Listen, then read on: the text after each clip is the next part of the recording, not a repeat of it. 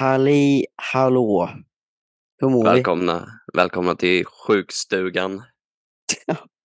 Vecka två. Ja, precis. Nej, som Ja. ni kanske hör så eh, vi båda är fortfarande sjuka. Eh, jag blev frisk och sen blev jag sjuk igen för jag precis har börjat köra igång med skolan igen. Så blev smittad av någon jäkel som gick till skolan som var sjuk. Ja, och jag eh, var på väg att bli frisk så jag smygstartade lite i gymmet. Och sen Basic så, eh, mistake. ja, men ja. Kanske hade kommit igång ändå, jag vet inte. Ja, precis. Eh, Men eh, Ja, det var i, vi. eller i, i måndags när vi körde eller? Om du blev sjuk efter det igen. eh, nej, det var typ tisdag, onsdag. Ja, okej, så du körde två dagar till efter vi körde. Ja, precis. Ja, Gjorde okej. Ja, jag blev ju tvärsjuk i tisdags. Du kanske blir smittad av mig förresten. Ja, jag tror fan det. Men jag visste ju inte att jag var sjuk då så det var ju Nej. svårt att veta där. Men jag blev jävligt sjuk på tisdagen. Först trodde jag det bara skulle bli en typ så här man cold som man kan få som man. Men eh, Men fick sen du feber? fick jag, ja, jag fick så jävla mycket feber och hosta och snorig och ont i huvudet och ont i hela kroppen och allting. Så det sög alltså. Ja, det Men det gick över ganska snabbt. Eh, nu är jag typ tillbaks igen. Det är bara lite hosta och snorig, men jag har inte feber eller så länge. Mm. Eh, Ja, pulsen jag är var typ- tillbaks på vanliga nivåer också. Ja, gött. Men du känner dig, känner dig ändå rätt pigg eller nu? Ja, men det gör jag. Ja. Jag vill bara ut i spåret, löpträna. tillbaks igen liksom. Ja, jag, jag känner mig eh, lite, ja hostan är fortfarande kvar. Men det är inte jobbig hosta på något sätt. Det är bara en, rikt, bara en torr hosta som bara finns där typ. Och sen Ja, så är det typ lite, lite täppt i näsan typ emellanåt. Ja. Men Ja, eh, Efter jag var på Kebne och var sjuk då, då hade jag också den här eh, torra hostan typ som aldrig släppte. Även när jag var frisk liksom, så hade jag fortfarande kvar den här torra hostan. Eh, Men Mm. nu idag så var det första gången som jag hade så vet, jag vet inte, så här frisk hosta. eller vad man säger. Så, jag, vet inte, jag, men jag känner i alla fall på ett visst sätt på hur jag hostar liksom att ah, men nu börjar det bli bättre. ja, Men i natt, i natt. Jag gick och la mig ganska tidigt igår, vid typ eh, halv tio, vid nio någon gång.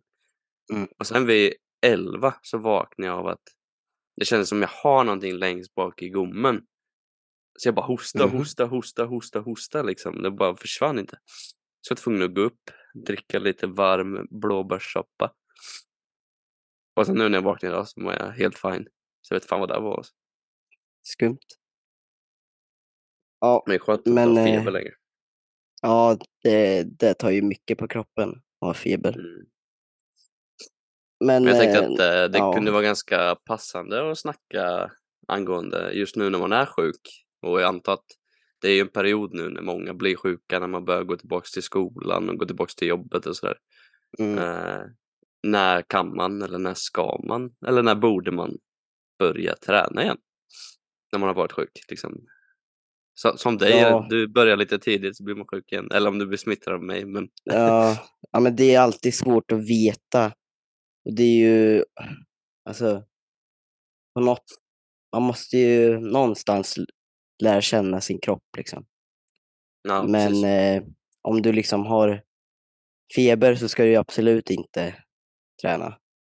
Eh, och är det så att du hostar väldigt mycket och liksom irriterande hosta, så skulle jag Ja. inte heller rekommendera att träna.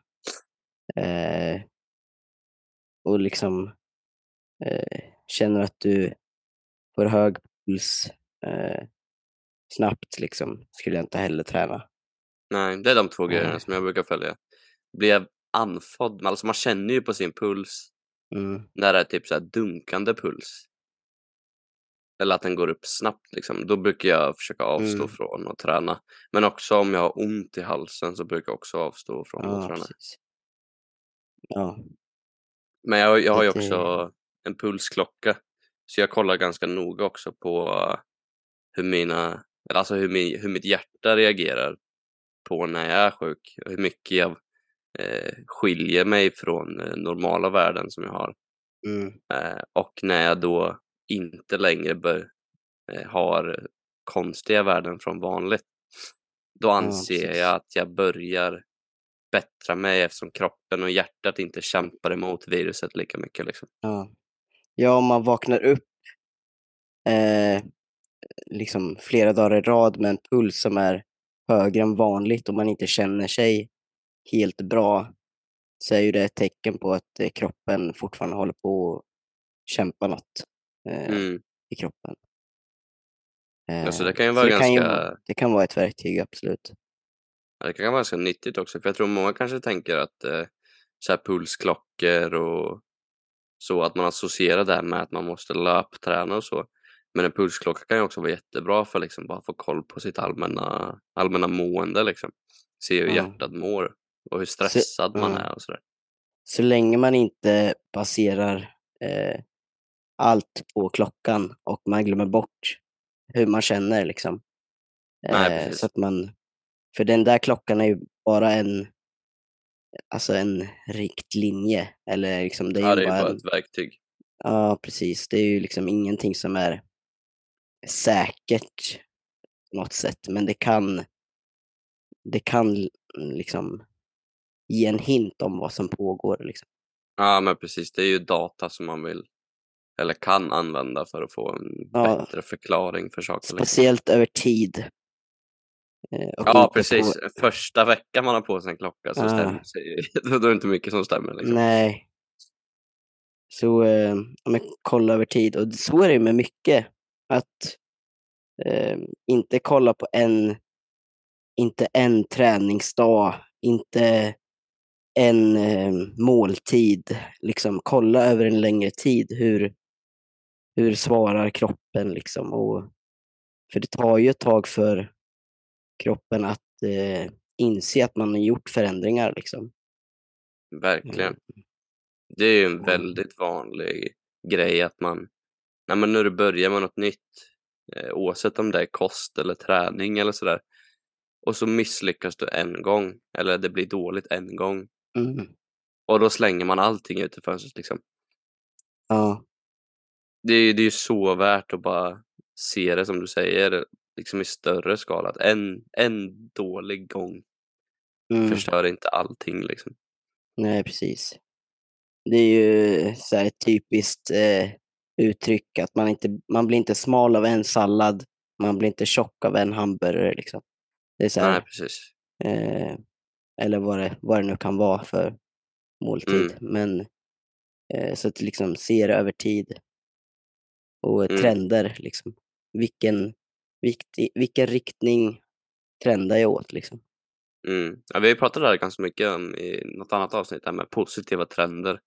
Och vi kommer ju typ alltid tillbaks till det för att mycket av livet liksom, som sker i livet är ju trender. Och vi vill Mm. försöka bygga positiva trender. Ja.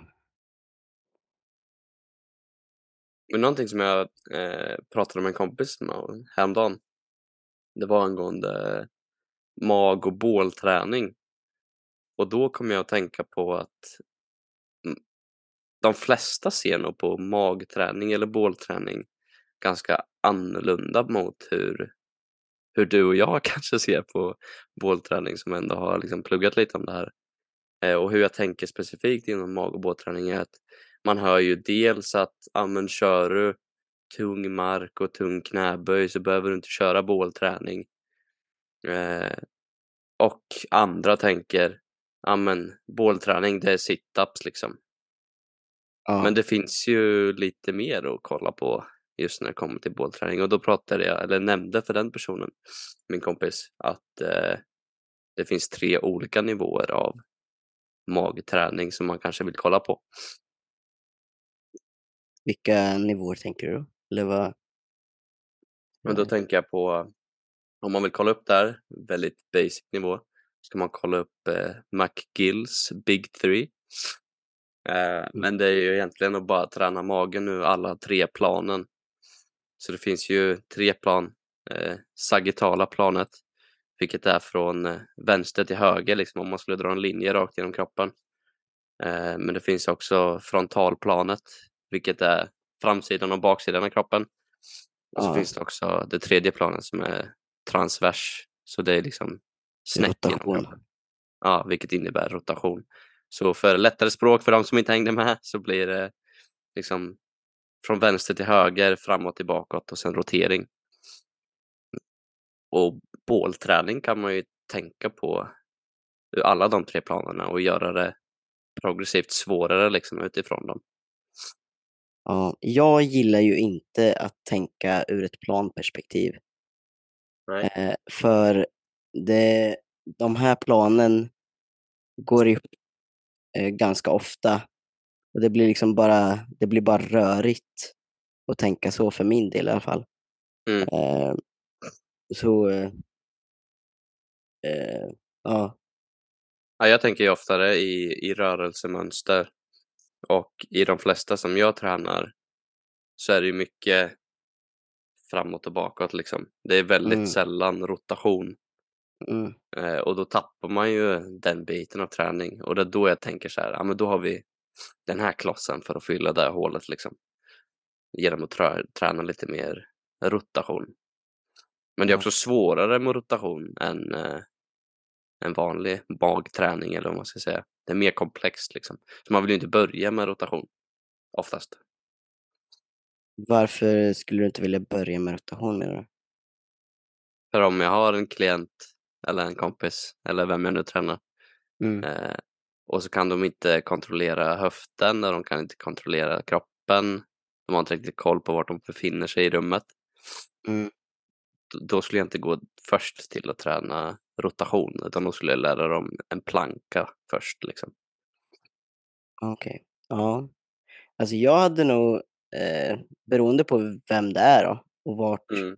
vart jag vill ta den här personen eller vart den personen vill Ja, gå precis, liksom. precis. Eh, så hade jag eh, nog ändå börjat med rotation om det är liksom syftet. Men bara att ta ut höften ur övningen, om det är liksom det som är problemet. Om man bara vill jobba eh, bål liksom, eller rotation i Ja, precis, precis. bålen. Ja, så skulle jag väl tänka om det var mer urgent som du beskriver, alltså om de skulle vilja gå dit tidigare liksom, Mm. eller hade det som mål, då skulle jag också tänka så. Men de Mm. flesta som jag tränar är ju inte speciellt intresserade av att rotera oftast. Nej. Men rotation är ju någonting som vi alla behöver. Och det är ju, eh, för det är ju liksom någonting vi använder oss av dagligen. Annars skulle vi gå som ett kylskåp. Mm. Ja, det finns ju Eh. vissa som gör det också. men- Ja, jo. Eh, sen kan man ju må därefter om man inte roterar liksom. Eh, Ja, men precis. Det påverkar ganska mycket hur förberedd man är mot vardagen. Om man kommer Mm. tillbaks till lite smärtor och så man kan få i ländrygg. mm, Och det är ju oftast för att det blir konstig belastning på ett sätt som du inte är förberedd för. mm, Så det är därför jag tänkte utifrån de här tre planen så kan man se vart man missar i sin förberedelse eller vad man säger, eller vad man inte är, är duktig på. Eh, för att få en kanske bättre träning som är mer all around. Alltså jag, jag får ju, jag tänker ju indirekt på de här planen. Alltså jag tänker inte så här att jag ska träna i ett eh, frontalplan. Nej, precis. Utan jag, precis. tä- jag tänker liksom, vad är det för övning? Eller för, vad vill jag ha för rörelse? Mm. Och vad missar jag för rörelse? Inte vad missar jag av de här planen liksom. Nej, precis. Så tänker jag också. Men anledningen till varför jag tog upp det och varför jag tog Mm. upp det för min kompis är Ja. för att det är bra att ha förståelsen för Mm. varför övningar är olika. För annars så kommer du ju se alla de här magövningarna som ekvivalenta. Mm. Men det är ju olika typ av träning för magen. Ja, precis. Vilket gör att de inte ger samma stimulans. Så hänger du inte med på att det finns olika plan man kan befinna sig i eller röra sig igenom snarare. Mm. Så, så kanske du bara, men min sit-up-plats var upptagen idag. Då kör jag rotation istället. Men Mm. då blir det liksom en annan stimulans mot vad man kanske var ute efter. Ja, precis.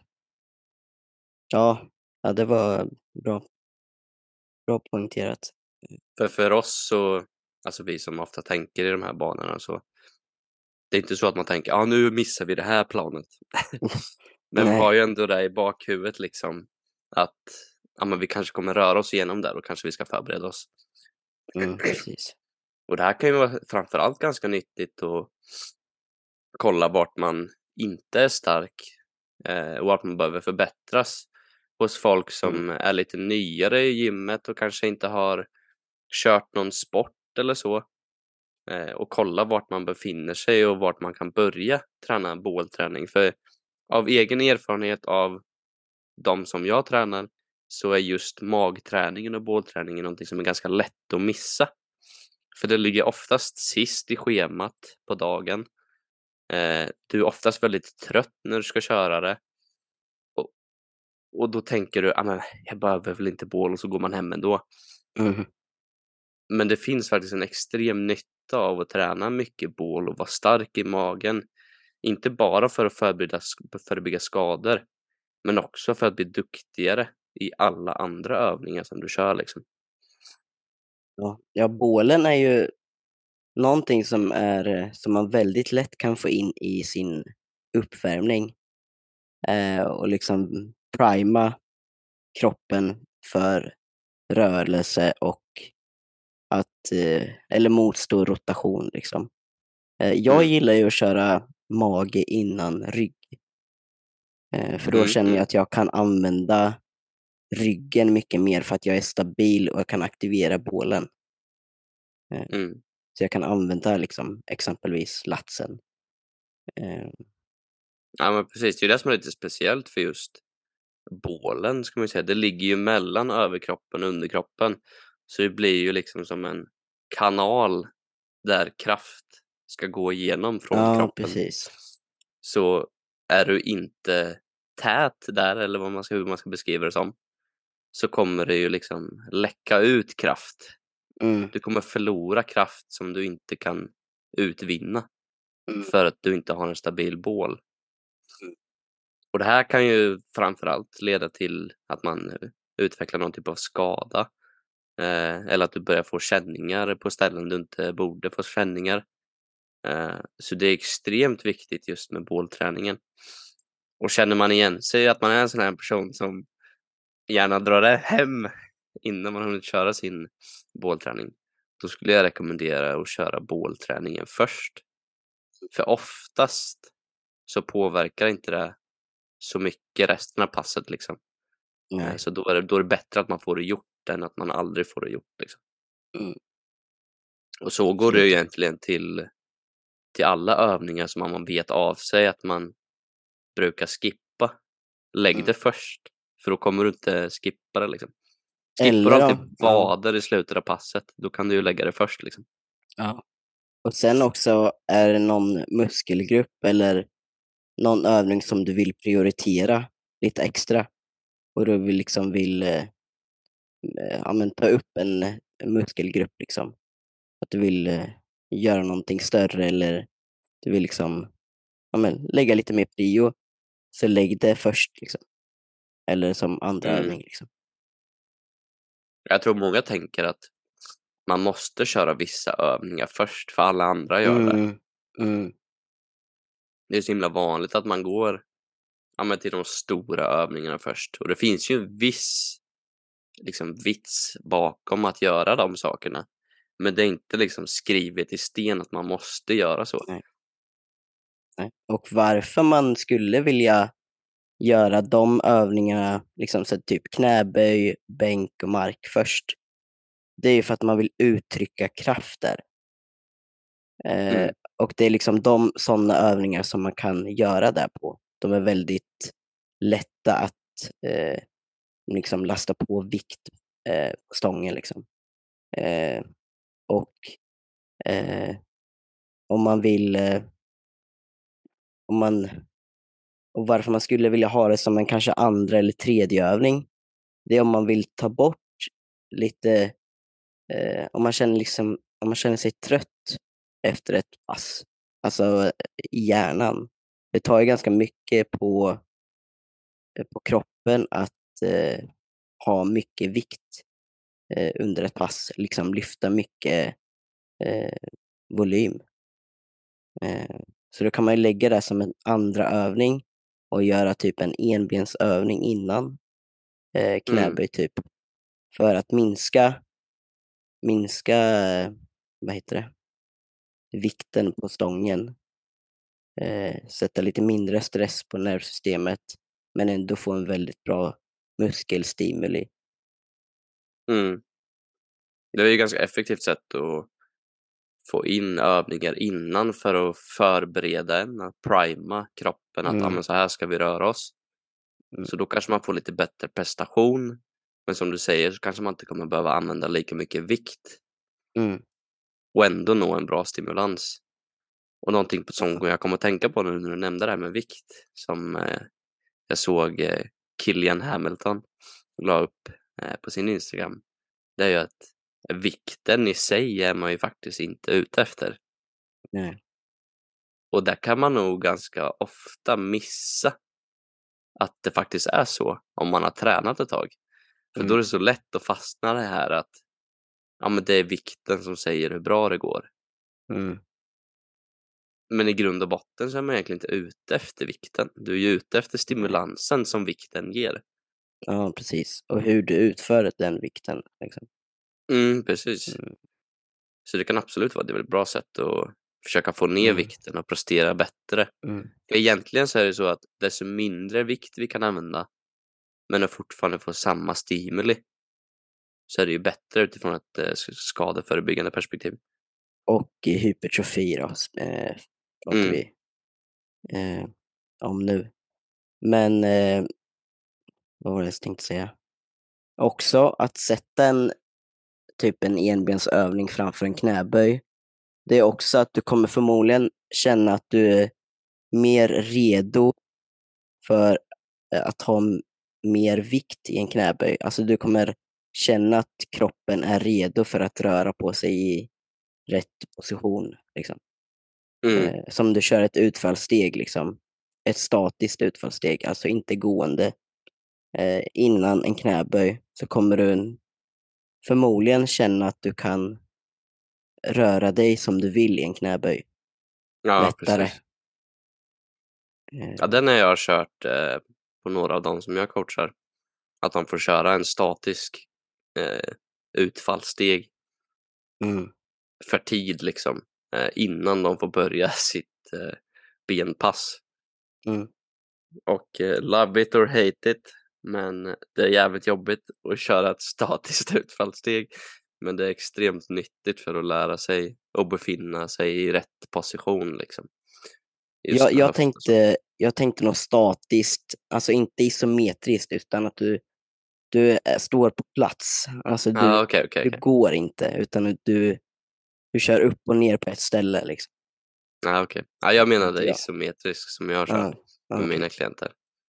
Eh, dels för jag vill bygga jag vill bygga tid och reps liksom i en position som vi vet att vi vill vara i.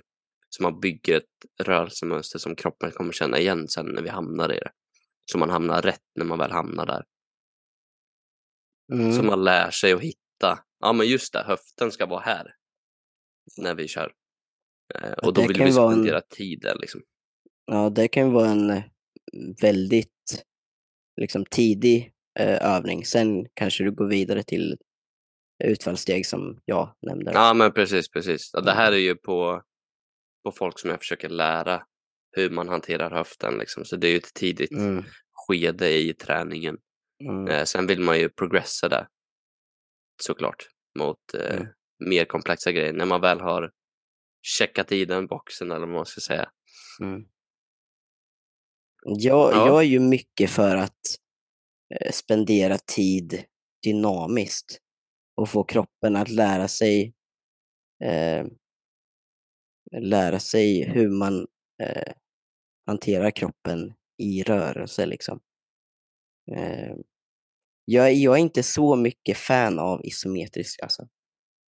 Eh, Jag tänker så här, just när det kommer till det. mm, Jag hade gärna velat köra dynamiskt mm, på de som jag tränar med. Men som en klient jag har nu, han har ganska hög träningsålder och han har redan ett ganska robust, liksom fastställt tankesätt på hur han vill röra sin kropp. mm, Och då om vi gör dynamiska saker så kommer han automatiskt gå till så som han har rört sig i liksom fem år. Vilket är lite fel eller snarare inte rätt till hur vi vill röra oss. Och då är det Mm. så svårt för honom att korrigera det samtidigt som han rör sig genom planen liksom. Ja. Och därför tycker jag om att använda isometriskt för så här, det blir foolproof. För du är fast i positionen, då måste du bara tänka hur befinner jag mig i positionen liksom. ja. Alltså jag tänker ju att du kan, eh, om, du har, om du har en person som har svårt att hitta eh, position i en rörelse, ge han en, liksom en medicinboll och hålla runt om så att han får koll på höften. Eh, liksom så att man sätter Mm. en, eh, en constraint eller liksom en Ja, begränsning på rörelsen. Eh, så, så att man, ja, men man håller en medicinboll kanske långt ifrån eller man håller den högt över huvudet.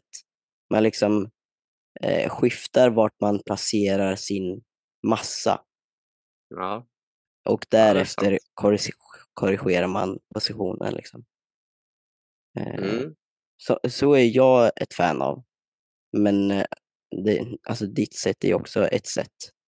Så är det ju. Ja precis. Ja, man vill ju testa runt med lite olika beroende på vem man jobbar med liksom. Ja, precis. Det är ju väldigt mycket vem det är man har framför sig. Så är det ju alltid. Mm.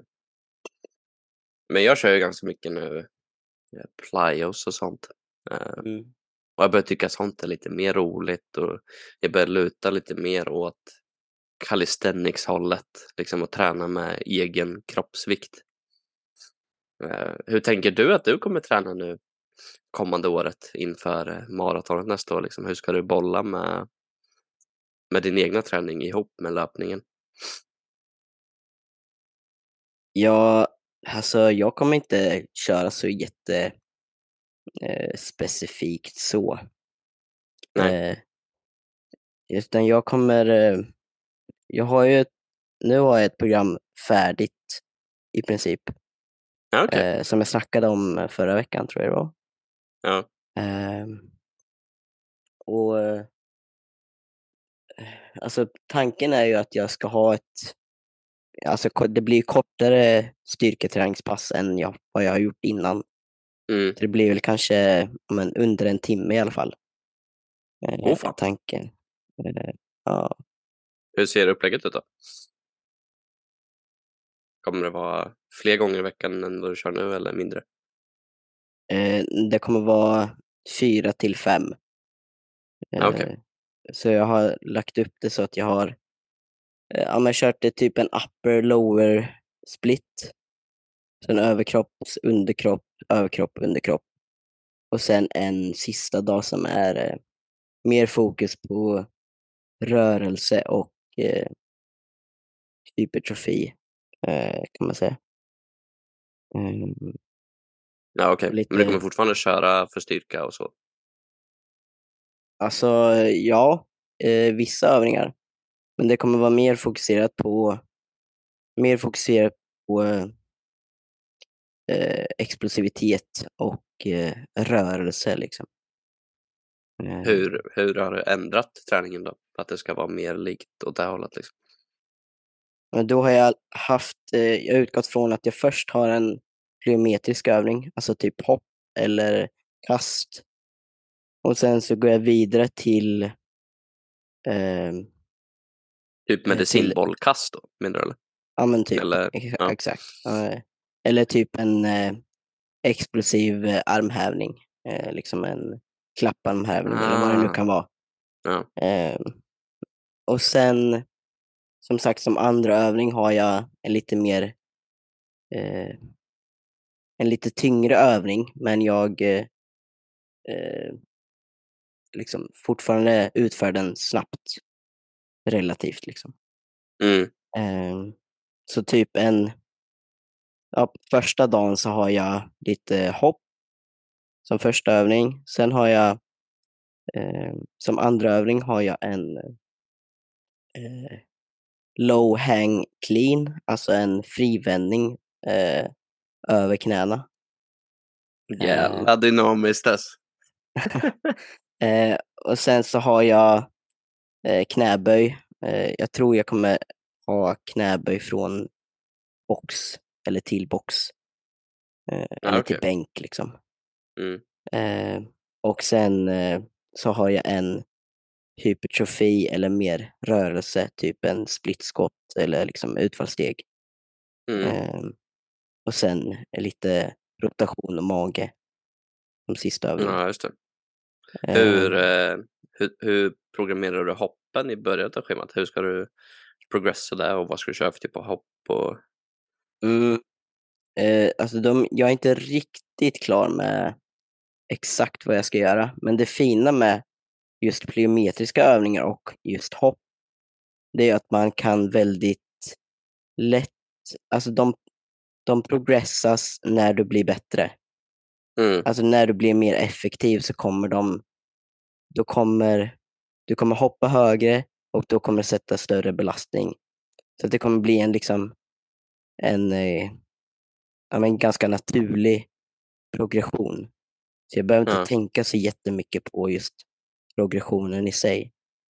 Men jag Vad kommer tycker inte... du är kul då? Eh, ja, där håller jag fortfarande på att liksom experimentera lite med liksom vad eh, just så.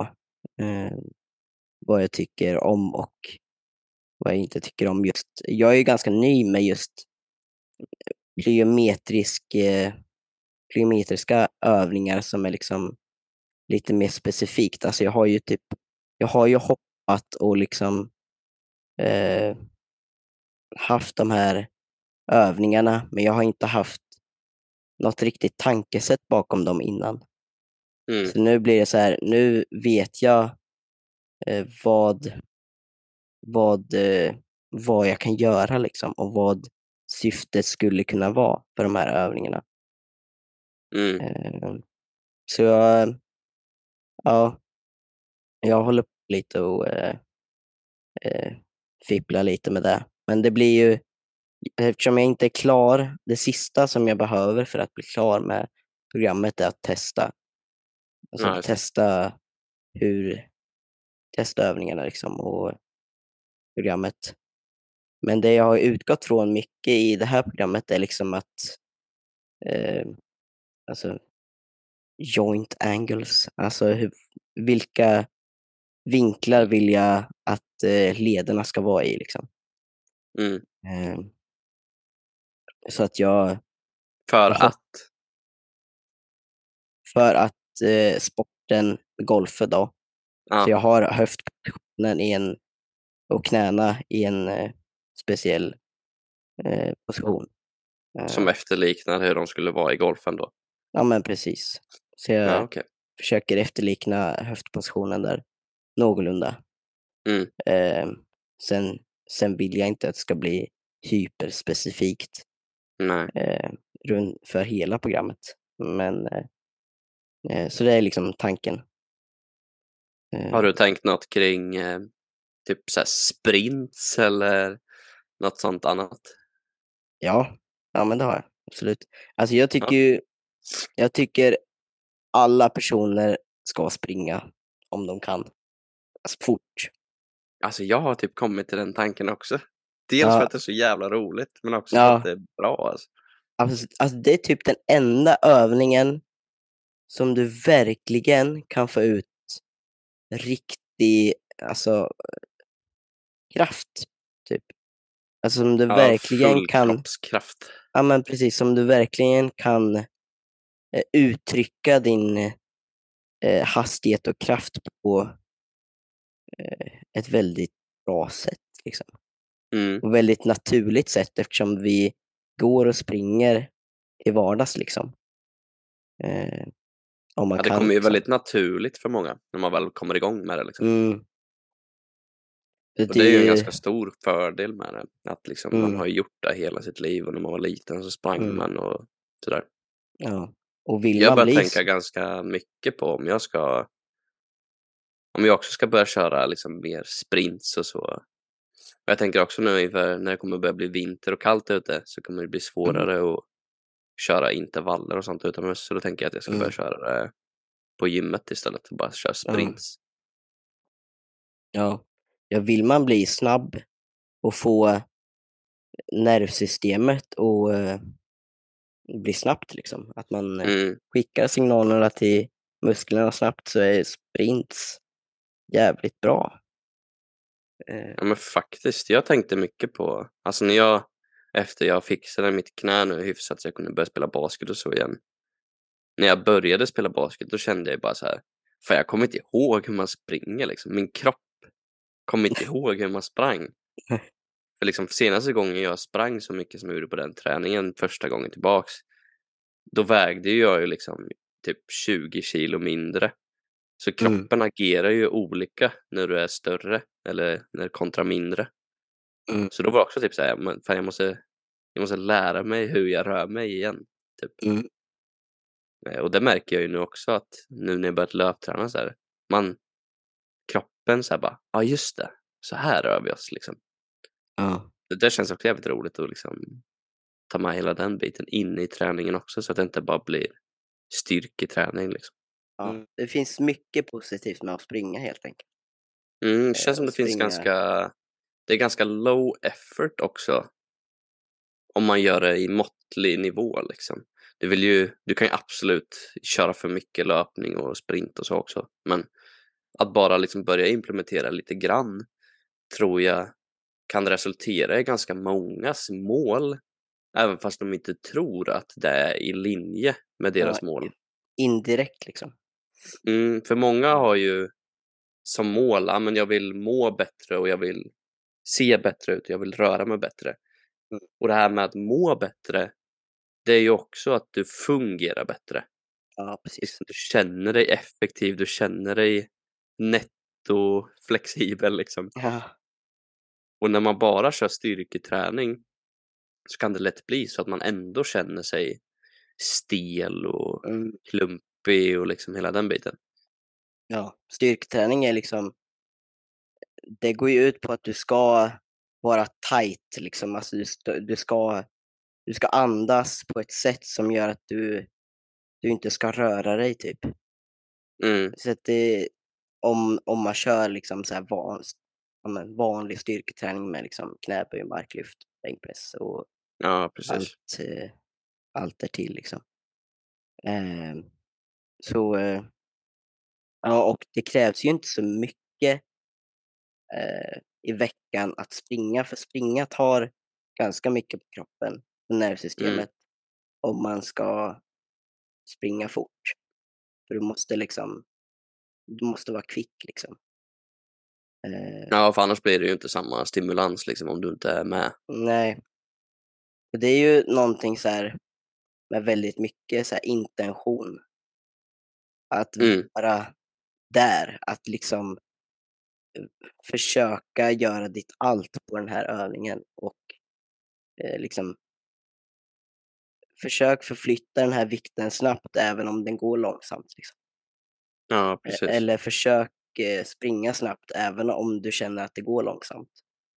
Så just det här bara att eh, försöka är eh, väldigt, eh, väldigt viktigt för eh, eh, liksom resultat.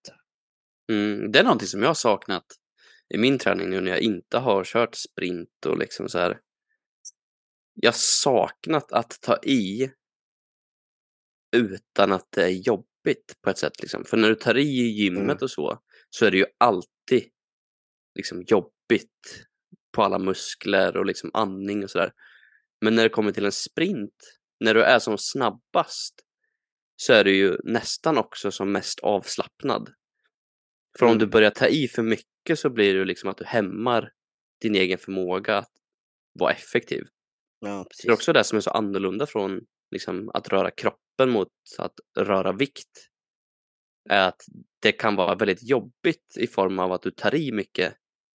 Men Mm. det känns inte jobbigt på samma sätt som det gör när du tar i mycket i gymmet. Nej, precis. Och Det det har jag saknat i min Ja. träning. För jag har ju inte kört sprint på jag vet inte hur länge. Liksom. Nej.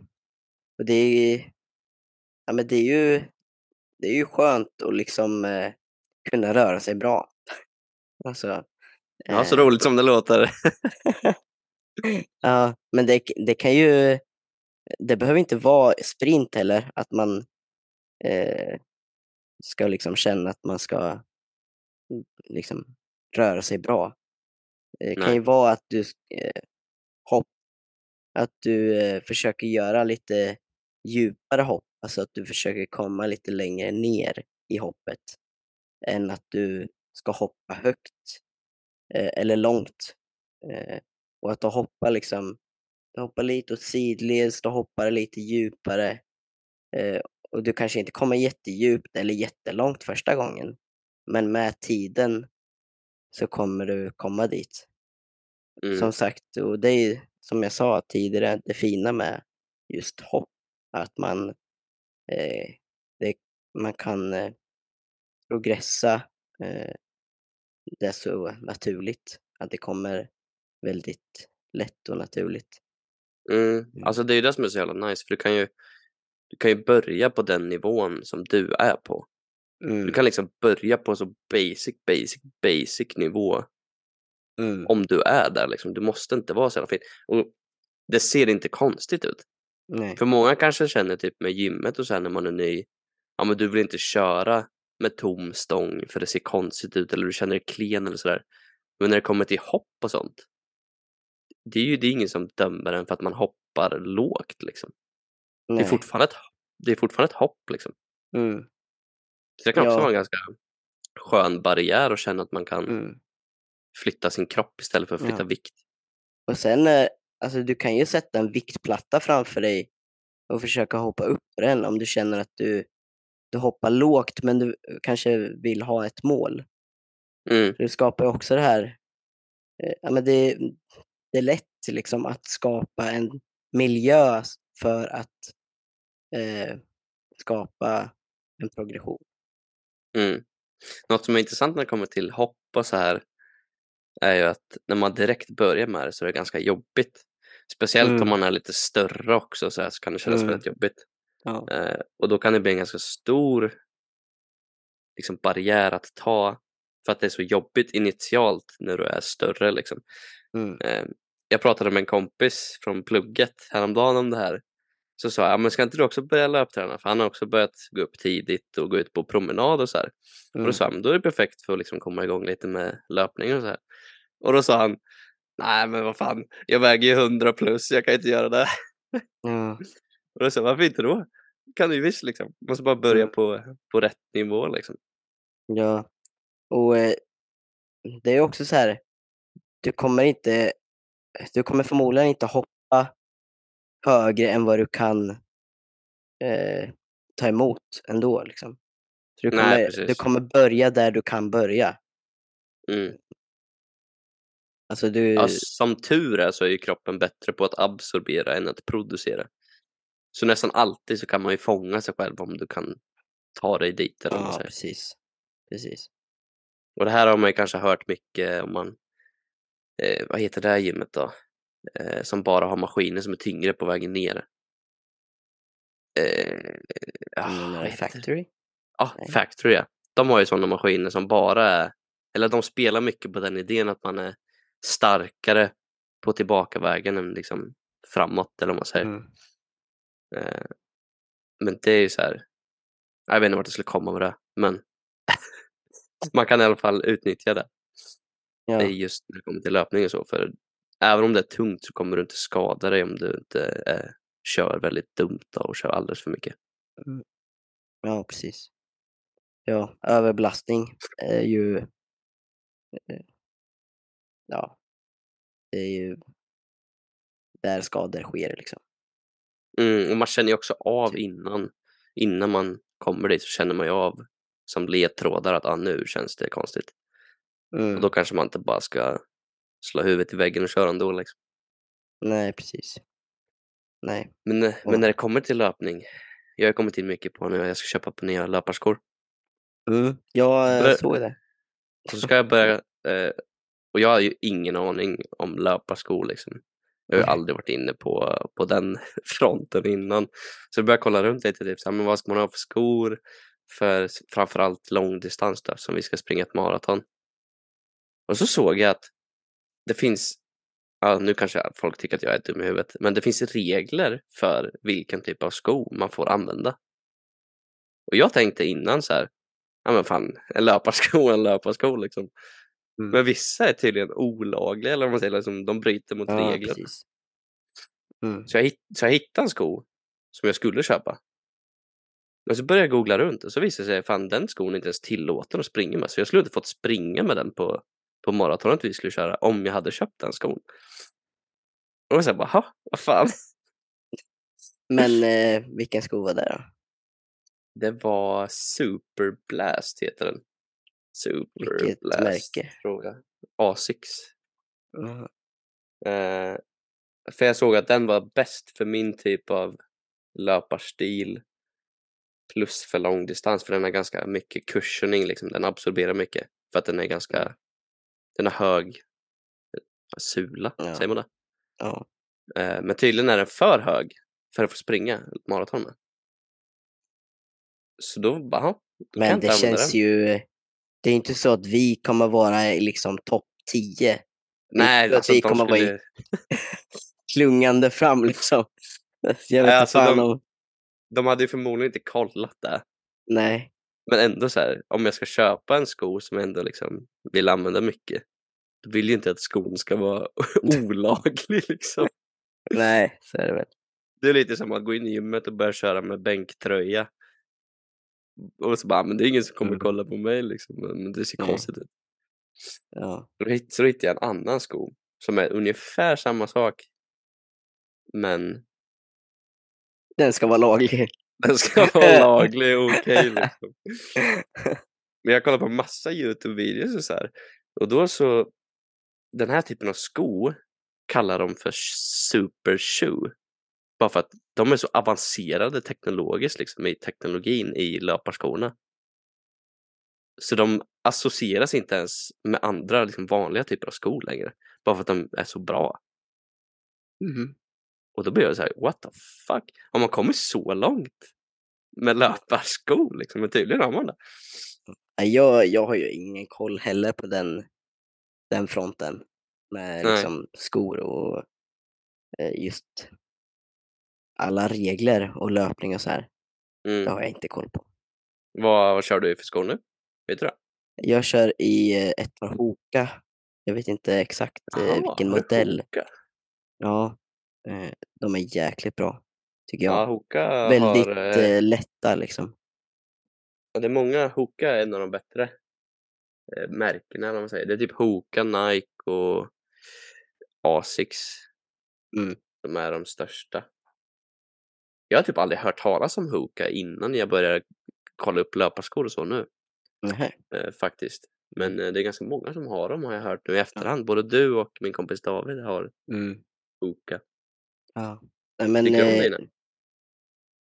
jag köpte väl inte rätt, eh, rätt eh, variant för min fot, liksom, eller hur jag eh, sätter ner foten. Jag köpte en sko som, ehm, som gör att jag hamnar i supination lite lättare Mm. när jag sätter ner foten. Men jag Ja. har lätt för supination redan.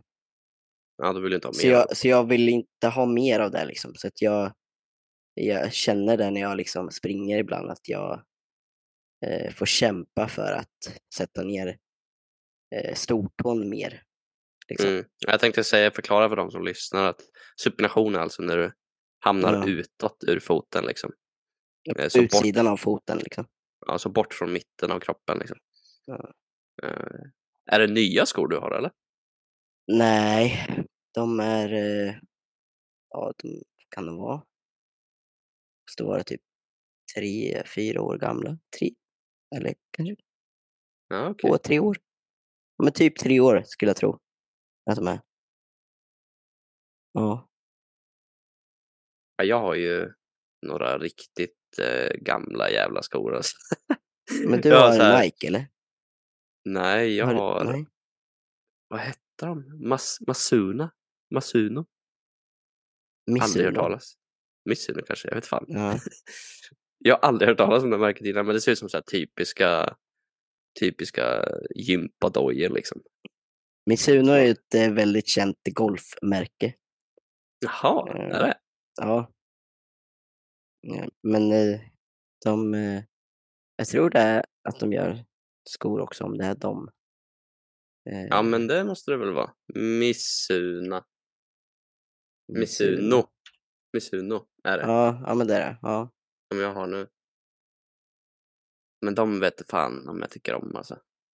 Men de är ju jävligt gamla också. Ja. Men det är ju en hel, precis som du sa med din sko, att du har fel typ av sko för hur du löptränar. Mm. Det är ju en hel, ett helt träsk det där att lista ut vad fan man ska ha Ja. sko. Ja, verkligen. gjorde- Det bästa är ju om man kan, det finns ju, jag vet att de har det i Stockholm, eh, så kan man ju åka in dit och så kan man liksom testa ut på löpband och du har, eh, och då är det någon som liksom kollar hur du sätter ner foten liksom. Eh, Mm. Så att man verkligen kan få, få hjälp med det. Jag kommer inte ihåg eh, vilken butik. Jag tror eh, XXL i Norrköping har det. Ja, inte, just, men- inte just att man får springa på löpan så, men att de kollar upp så här foten. Jo, de har, eh, de har så att man kan löpa på löpband. Men alltså det jag menar i Stockholm, där har de ju liksom så att de har eh, typ, eh, eh, ja, men så att de verkligen kan se. Alltså, I XXL får man ju bara springa och de kollar på ett tum. Alltså det är inga mätverktyg som de använder direkt. För jag Men köpte att det mina. bara är fint i Stockholm. Nej, jag köpte ju mina på XXL i Norrköping. Okej. Eh, gjorde jag. Ja, jag ska ju köpa mina nya nu. Och för de som undrar och är intresserade så ska jag köpa Metaspeed Sky Plus. För den ska vara bra för min typ av löpning. Ja, den var ju eh, väldigt eh, fancy. Ja, den är jävla fancy. Men fan, Ja. ska man göra det ska man göra ordentligt. Jävla jag- regnbåge. Ja, men jag ser fram emot att få, få en ordentlig löparsko. Jag har fan aldrig använt en sån här typ av Ja, avancerad sko innan. nej. nej, men det är ju det är helt annat att springa på en riktig löparsko. Liksom. Den här skon har ju liksom en carbonplatta i skon. Ja. Det jag så dock har hört med eh, just eh, eh, kolfiber, det är ju att de inte eh, håller riktigt lika länge om de har kolfiber. Mm. Ja, jag har kollat upp den här skon hur mycket som helst. Den ska vara top notch i både uthållighet och kvalitet och allting. Alltså. Det Jag ska vara det bästa av det bästa.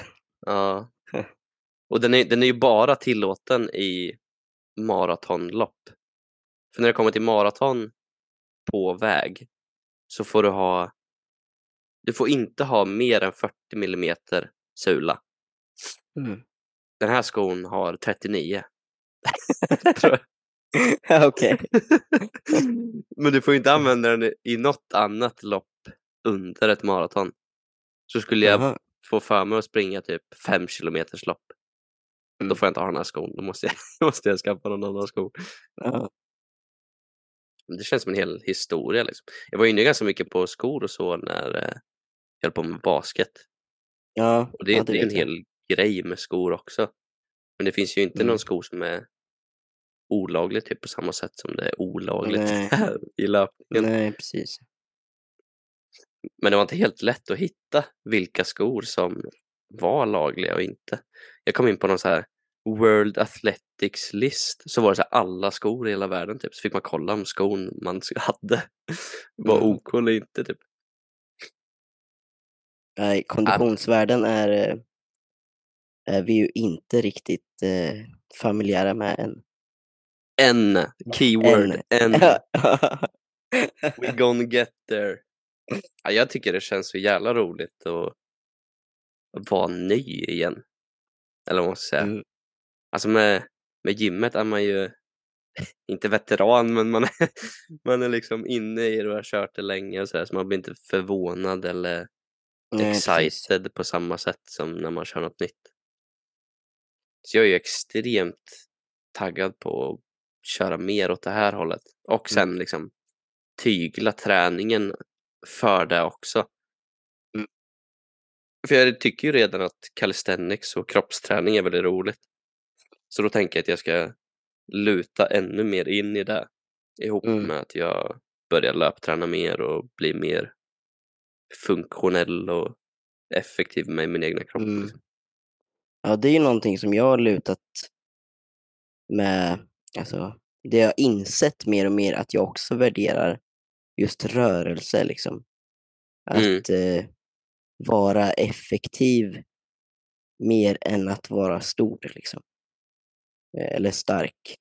Eh, och att vara, kunna liksom lyfta någorlunda tungt men det ska vara snabbt och effektivt också. Ja Mm. men precis. Jag vill inte bara vara stark på en speciell bänk i ett speciellt gym med speciella vikter. jag Nej, vill precis. liksom vara all around. Ja, Har jag, har jag insett. Så jag, jag lutar mer åt att vara vad man nu för tiden inom, inom fitnessindustrin kallar för en hybrid athlete. ja, Men det är väl i någon sann mening bara en riktig atlet liksom. ja, man gör lite av allt möjligt och försöker Mm. optimera det suboptimala liksom. Ja men eh, precis. Om man kollar till eh, militären och liksom alla fysiskt krävande jobb Mm. då är det ju sån typ av styrka och uthållighet som de är ute efter. Ja, precis. Så jag menar, det är ju inget nytt med det här med hybrid Nej. athlete, även fast alla influencers just nu flashar med det här ordet. Ja, ja men så är det ju så är det ju med mycket, att man sätter ett annat ord på någonting som har funnits väldigt länge för att det ska få ett nytt liv liksom. Eh, Mm. Och egentligen Och- all cred till det, för det är bara, Ja, det är bra om man kan få fler människor engagerade över något som känns kul liksom, när det kommer till träning och så. men precis. Eh, så jag, jag har ju nu eh, tänkt på det här med att eh, ja, men jag har ett nytt program och eh, att jag vill liksom mer eh, gå den här vägen att bli bättre på att röra eh, kroppen, liksom att bli mer effektiv i Mm. rörelse. Så jag har ju eh, tänkt på nu att jag ska gå ner i vikt eh, lite för, för den. Eh, Ja. Just för att det kommer hjälpa prestationen i löpningen och, och eh, eh, liksom för att eh, jag tycker, eh, ja, jag vet inte. Det, det känns kul på något sätt att eh, ha ett syfte i form av prestation typ. Och Mm. inte, inte att det ska vara finnas någon annan baktanke med att jag ska se ut på ett visst sätt för, eh, för någon annan typ eller så. Nej, precis. Mm. Så lutar jag också lite mer mot. Alltså jag vill vara, jag vill känna mig effektiv. Mm, precis. Och så blir det liksom att se bra ut blir liksom som en bieffekt av mm, att jag blir effektivare liksom. mm. Och eh, det här med viktnedgång för prestation, det skulle vi ju kunna prata om eh, nästa avsnitt, för det här avsnittet är ju typ ganska långt redan. Ja. Någonting Eh, som, vi, som jag vill avsluta med. är Mm. I tisdags, tror jag var, Mm. så presterade du jävligt bra i dipsen. Ja, Eh, det gick eh, bra. Det går Eh, ju jävligt bra för dig nu. Ja, det tar sig framåt. då. Ja. Eh, så jag tog eh, 20 kilo extra vikt för fem reps tror jag det var. Det har jag aldrig sett dig göra innan. Nej. Någon gång Alltså ska vara den första. köra, liksom med extra vikt på, på kroppsövningarna. Det är ju ganska vanligt att folk tycker det är jobbigt med bara kroppsvikt Mm. liksom, i all rätt. Mm. Men det är ändå någonting nytt och exciting med att börja ta extra vikt Ja, på en sån precis. övning. Liksom. Ja. Jag ligger ju dock väldigt långt efter eh, i pull-ups jämförelse med dips. Eh, Ja, men det så gör jag är- med. Ja. så att, eh, där hade jag ju velat bli eh, bra Mm. också. Men det kommer. Tid och eh, eh, ja, tid och bra val utanför gymmet också Jajamän. kommer komma dit. Quoten för den här veckan. Vi avslutar med det. ja, Tack men, för alla eh, som har lyssnat på ja. det här avsnittet av eh, Skitsnack med mig och André. Ja, det var eh, verkligen ett eh, allt och eh, ja, lite allt möjligt idag. Ja, men så kan det bli ibland. Vi är sjuka. Lite, lite dispens får man ha ibland. Men eh, ni får gärna kommentera eller liksom skicka oss feedback om ni tycker det här är roligare av att liksom lyssna på än om vi har något eh, strukturerat tema liksom. Mm. Eller vad ni, vad ni föredrar. Eh, och tack för att ni lyssnar. Så eh, ses vi nästa avsnitt och det är avsnitt 10. Jajamän! Ja, Det blir kul. ja. Så eh, ja, träna på, lev livet och ha det fint. Jajamän, hoppas jag en träning med nästa vecka blir dunder. Vi hörs! Bye!